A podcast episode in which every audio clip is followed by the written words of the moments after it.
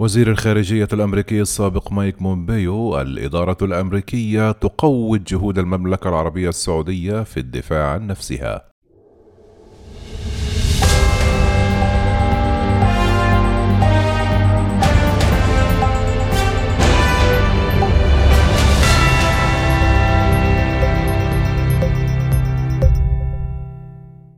قال وزير الخارجية الأمريكي السابق مايك بومبيو في مقابلة حصرية مع عرب نيوز أن الإدارة الأمريكية تتحمل مسؤولية صد الجهود الرامية إلى تقويض المملكة العربية السعودية مضيفا أن حرمان السعوديين من القدرة على الدفاع عن أنفسهم هو مجرد جنون ومع ذلك يبدو أن هذا هو الاتجاه الذي تتخذه هذه الإدارة. كما صرح مايك بومبيو بأن القيادة الإيرانية تتفهم كيف قيادة شاحنة عبر الضعف الأمريكي وأن ردع النظام سيتطلب رسالة متسقة وسليمة واستعدادا لفرض تكلفة. كما أعرب بومبيو عن معارضته الشديدة لقيام إدارة بايدن برفع تصنيف ميليشيا الحوثي اليمنية على أنها إرهابية مشيرا إلى أنه لا أحد يجادل في أن الحوثيين إرهابيون ولا أحد يشك في أن الإيرانيون يؤمنون لهم. وتطرق في المقابلة إلى عدد من القضايا المهمة بما في ذلك تصاعد الهجمات على المراكز السكانية السعودية والبنية التحتية النفطية والتصورات الإيرانية لتحركات إدارة بايدن في السياسة الخارجية ودور الحوثيين في تفاقم الأزمة الإنسانية في اليمن وتعامل إدارة ترامب مع العلاقات الأمريكية السعودية. في النهاية فإن القيادة الإيرانية المرشد الأعلى آية الله علي خامئني وكل من حوله يفهمون شيئا واحدا إنهم يفهمون القوة. وقال بومبيو عندما يتخذون إجراءات ويرون ضعفا أو يرون تهدئة أو يتوقعون أنه ستكون هناك تهدئة فإنهم سيستمرون في تلك التصرفات. وقال في تحذير فاز إذا سواء كان هذا الجهد الذي رأيته من الضربات الصاروخية التي بذلها الإيرانيون أو الجهود التي بذلوها لمواصلة الضغط على الوكالة الدولية للطاقة الذرية لإنكار ما نعرفه جميعا. برنامجهم السري المواقع السرية التي تحتوي على أسلحة دمار شامل لم يتم الإعلان عنها. هذه هي الأشياء التي سنستمر في رؤيتها حتى العالم. ليس فقط الولايات المتحدة ولكن العالم بأسره. وكان مايك بومبيو عضوا في الكونغرس من ولاية كانساس وعمل لاحقا مديرا لوكالة المخابرات المركزية في عهد الرئيس الأمريكي السابق دونالد ترامب قبل أن يتم ترشيحه وتأكيده وزيرا للخارجية في عام 2018 وفي عهده تبنت الولايات المتحدة حملة من الضغط الأقصى لعزل النظام الإيراني وظلت مفتوحة خيارات الضربة العسكرية للحفاظ على سلامة الأمريكيين. منذ مغادرته منصبه في كانون الثاني من يناير واصل بومبيو إلى دائرة المتحدثين ورفض استبعاد محاولة رئاسية محتملة لعام 2024 إذا لم يتم ترشح رئيس السابق دونالد ترامب بالإضافة إلى قوله إنه يريد مساعدة الجمهوريين والدفاع عن المحافظين فقد وبخ بومبيو الإدارة الأمريكية الجديدة لرفضها وضع أمريكا في المرتبة الأولى خاصة في سياق الشرق الأوسط. وقال بومبيو لصحيفة عرب نيوز أن ما يثير قلقه ليس فقط الإشارات التي ترسلها إدارة بايدن الحالية وإنما هي فقط اتجاه السياسة التي أشاروا إلى أنهم يعتزمون اتباعها. وقال مايك بومبيو في إشارة إلى خطط العمل الشاملة المشتركة المعروفة باسم الاتفاق النووي الإيراني. لقد أوضحوا تماما أنهم يفضلون الدخول مرة أخرى في نوع من المفاوضات يرتبط ارتباطا وثيقا بخطة العمل الشاملة المشتركة لعام 2015 تم التوصل إلى الاتفاق في يوليو من عام 2015 بين إيران ومجموعة الأعضاء الخمسة الدائمون في مجلس الأمن التابع للأمم المتحدة بالإضافة إلى ألمانيا. مع الاتحاد الأوروبي سحبت إدارة ترامب الولايات المتحدة من خطة العمل الشاملة المشتركة في مايو من عام 2018 مستشهدة بعيوب طبيعتها المؤقتة وافتقارها إلى الضوابط على برنامج الصواريخ البالستية الإيراني والسلوك الخبيث لإيران في سوريا وأماكن أخرى في الشرق الأوسط. دعونا نلقي نظرة على الإجراءات حتى الآن قامت الإدارة بإلغاء تصنيف منظمة إرهابية لا أحد يجادل ولا أحد يجادل في أن الحوثيين إرهابيون وقال بومبيو لا أحد يجادل في أن الإيرانيون يؤمنون لهم قالت هذه الإدارة سنزيلهم من القائمة عملت هذه الإدارة جنبا إلى جنب مع الوكالة الدولية للطاقة الذرية لتقول لا لن تصدر تقريرا عن هذه المواد التي كانت في مواقع غير معلنة. إنهم سيسمحون الآن بتدفق الأموال من صندوق النقد الدولي ومن جمهورية كوريا إلى الخزائن الإيرانية.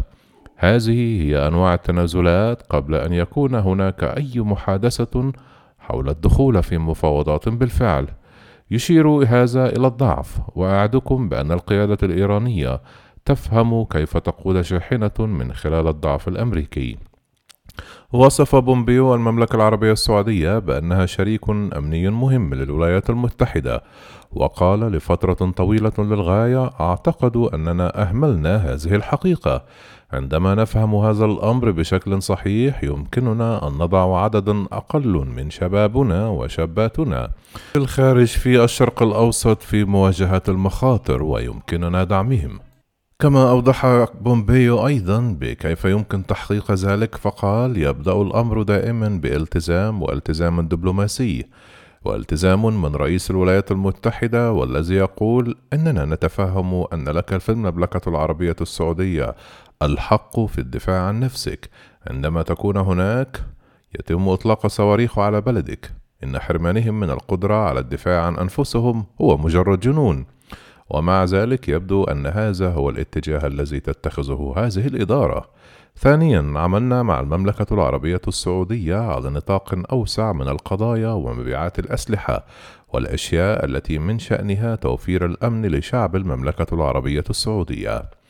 رفض بومبيو الانتقاد الشائع بأن إدارة ترامب تجاهلت حقوق الإنسان في هذه العملية حيث قال لا شيء يمكن أن يكون أبعد عن الحقيقة لقد دعمنا المملكة العربية السعودية عندما بدأت في الانفتاح في الداخل وللسماح للمرأة بأن تكون أكثر نشاطًا والقيام بالعديد من الأشياء التي كانت محظورة لفترة طويلة جدًا وتم إحراز تقدم حقيقي. وجدل بأن إدارة ترامب اتصلت بالفعل بالمملكة عندما حدثت أخطاء وفي حالة مقتل جمال خاشقجي عاقبت الإدارة العناصر المتورطين. في ذلك الوقت اعترفت المملكة بأن عددا من العملاء تجاوزوا سلطتهم وانتهى بهم الأمر بقتل الصحفي الراحل في القنصلية السعودية بإسطنبول في تركيا عام 2018 وتلت ذلك محاكمة وحكم على خمسة سعوديين بالإعدام مع سجن ثلاثة آخرين.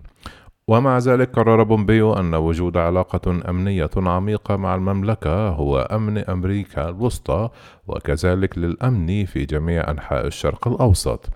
ووجه تباينا حادا بين سياسة ترامب في الشرق الأوسط وسياسة خليفته.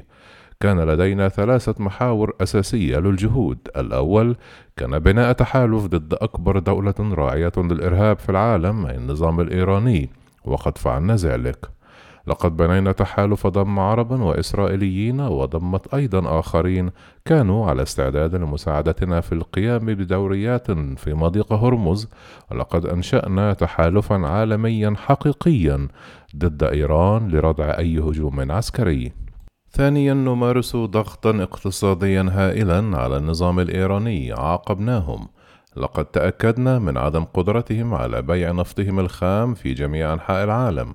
كل الأشياء التي من شأنها أن تجبر النظام الإيراني على اتخاذ قرارات صعبة بشأن كيفية إنفاق الموارد. إذا كنت ترغب في الاكتتاب في حزب الله، يجب أن يكون لديك أموال أقل لإطعام شعبك والعناية به. إذا كنت ترغب في دعم الميليشيات العراقية، إذا كنت ترغب في مساعدة نظام الأسد في سوريا، فقد جعلناهم يواجهون قيودا مالية صعبة على أمل أن يستنجدوا في النهاية. إن برنامجهم النووي والاستمرار في بناء برنامجهم الصاروخي لم يكن أبدا في مصلحة بلادهم. وتابع بومبيو ثالث شيء فعلناه هو أننا دعمنا الشعب الإيراني. هذا مختلفا عما فعلته إدارة أوباما. كنا مدركين جدا أن الشعب الإيراني نفسه يريد حياة لا تختلف تماما عما يريده الناس في جميع أنحاء العالم. وأن الثيوقراطيين الفاسدين في السلطة في إيران اليوم قد يمتلكون أنظمة الأسلحة ولكن ليس القلوب وعقول الشعب الإيراني. لذلك فعلنا كل ما في وسعنا لدعم الشعب الإيراني. كانت تلك الركائز الأساسية الثلاثة لسياستنا. هي الاتجاه الصحيح لقد كانوا الشيء الذي من شأنه أن يخلق أفضل رادع من مهاجمة إيران للدول العربية بشرط التأكيد الأكبر على أن النية الإيرانية المعلنة لمحو إسرائيل عن وجه الخريطة لن تؤتي بثمارها. كما صرح مايك بومبيو بأنه لا يوجد سبب للتكهن بعقلية النظام الإيراني. قال لقد أوضحوا أنهم مستعدون للقيام بأشياء في جميع أنحاء العالم بما يرون أنه يضمن حقوقهم في جميع أنحاء العالم. لذلك تحدثت عن هذا عندما كنت وزيرا للخارجية كثيرا. جهودهم للقيام بحملات اغتيال في جميع أنحاء أوروبا. لقد رأيت بعض الممثلين الذين تم اعتقالهم وسجنهم في أوروبا بعد أن تم القبض عليهم. لطالما شعرت بالارتباك عندما شاهدت مجموعة تواصل التقرب من الإيرانيين واتفاقية جي سي أو بي اي لتقول لا هذا هو الاتجاه الصحيح. بينما كان الإيرانيون في الواقع يحاولون قتل الناس داخل كل بلد من بلدانهم. بالتأكيد نرى ذلك هنا في الولايات المتحدة أيضا. يجب ألا ننسى أنه لم يكن كل هذا الوقت طويلا عندما خطط الإيرانيون لقتل السفير السعودي هنا. هذا ليس بعيدا جدا عن المكان الذي أجلس فيه هنا اليوم في واشنطن العاصمة. لديهم حملة عالمية حملة تجسس عالمية جهود اغتيال عالمية. كل ذلك دفاعا عن حفنة من كبار القادة داخل إيران الذين يسرقون الأموال المتبقية المتاحة للإيرانيين. لا يمكننا الاستمرار في ضمان هذا. لا يمكننا تخفيف هذه العقوبات حتى تفرج إيران عن جميع السجناء الأمريكيين. حتى تفهم إيران أنه من غير المقبول الانخراط في هذا النوع من السلوك لمكافأة ذلك ومكافأتهم بالموارد المالية. فقط يمنحهم حافزا لمواصلة القيام بذلك ويوفر لهم رأس المال لمواصلة هذه البرامج. كما صرح وزير الخارجية السابق مايك بومبيو العرب نيوز بالانتقال إلى قراره تصنيف الحوثيين منظمة إرهابية أجنبية. بالطبع كانت خطوة بسيطة اتخذتها إدارة ترامب. كان الأمر واضحا ومباشرا لم يتطلب الأمر أي رفع ثقيل كبير. لكن انظروا لا تستطيع إدارة بايدن أن تنكر أن هؤلاء إرهابيون. لكنها قالت الآن الحوثيون ليسوا إرهابيين. أتفهم مخاوف العالم بشأن التحديات الإنسانية داخل اليمن؟ في الواقع أنفقت إدارة ترامب قدرا كبيرا من أموال دافع الضرائب الأمريكيين وأقنعنا السعوديين والإماراتيين بفعل الشيء نفسه للتأكد من أن الناس العاديين في اليمن لا يعانون من المجاعة. لقد عملنا بجد على هذا لقد حرصنا بأفضل ما نستطيع. على دخول هذا الطعام إلى ذلك البلد لكن الأشخاص الذين منعوا وصول المساعدات المالية إلى أولئك الذين يحتاجون بالفعل إلى هذا الغذاء وهذا الدواء كانوا في الواقع من الحوثيين.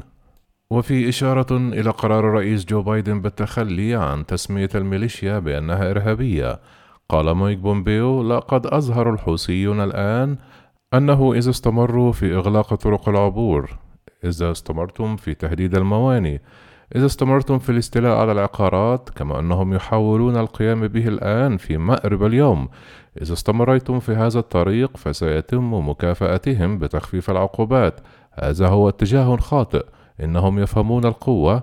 لقد أظهرنا الآن أننا مستعدون لمنحهم شيئا بينما في الواقع لم يتخلوا عن أي شيء.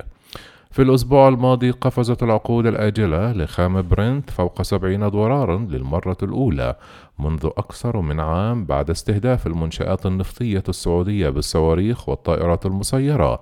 تعرضت مزرعة لخزانات البترول في أحد أكبر موانئ شحن النفط في العالم لهجوم بطائرة مسيرة بينما استهدف صاروخ باليستي منشآت أرامكو السعودية وذلك وفقا لوكالة الأنباء السعودية.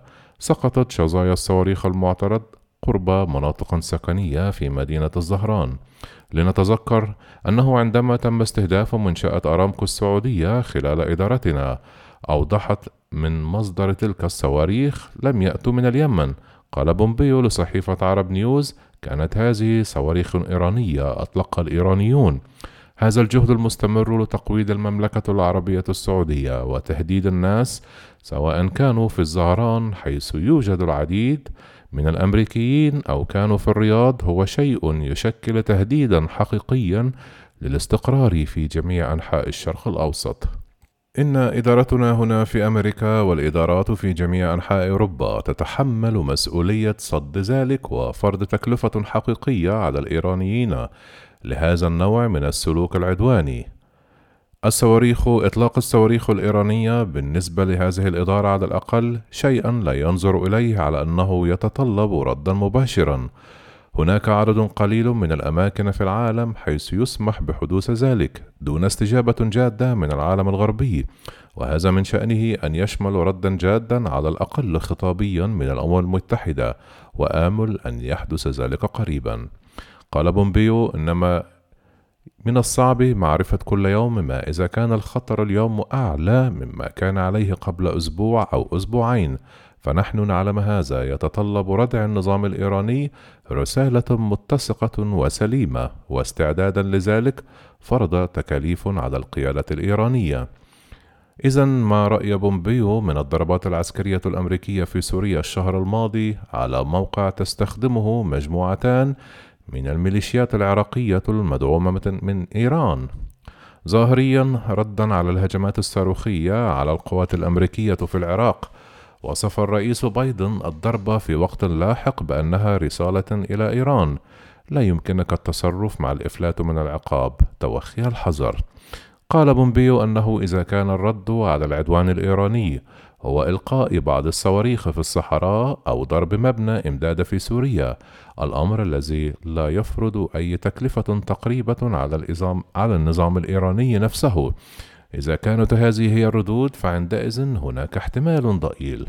القدرة على إنشاء وسائل ردع لحماية والدفاع عن جنودنا المتمركزين في جميع أنحاء الشرق الأوسط. ليس فقط في المملكة العربية السعودية ولكن في جميع أنحاء الشرق الأوسط. من وجهة نظره لدينا التزام للقيام بذلك بشكل صحيح وسيتطلب الأمر ردا أمريكيا قويا لردعهم.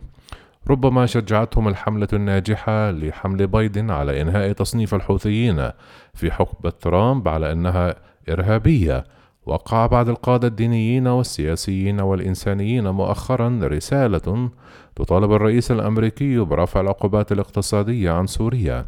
لكن بومبيو يعتقد أن قانون قيصر لحماية المدنيين في سوريا مهما جدا.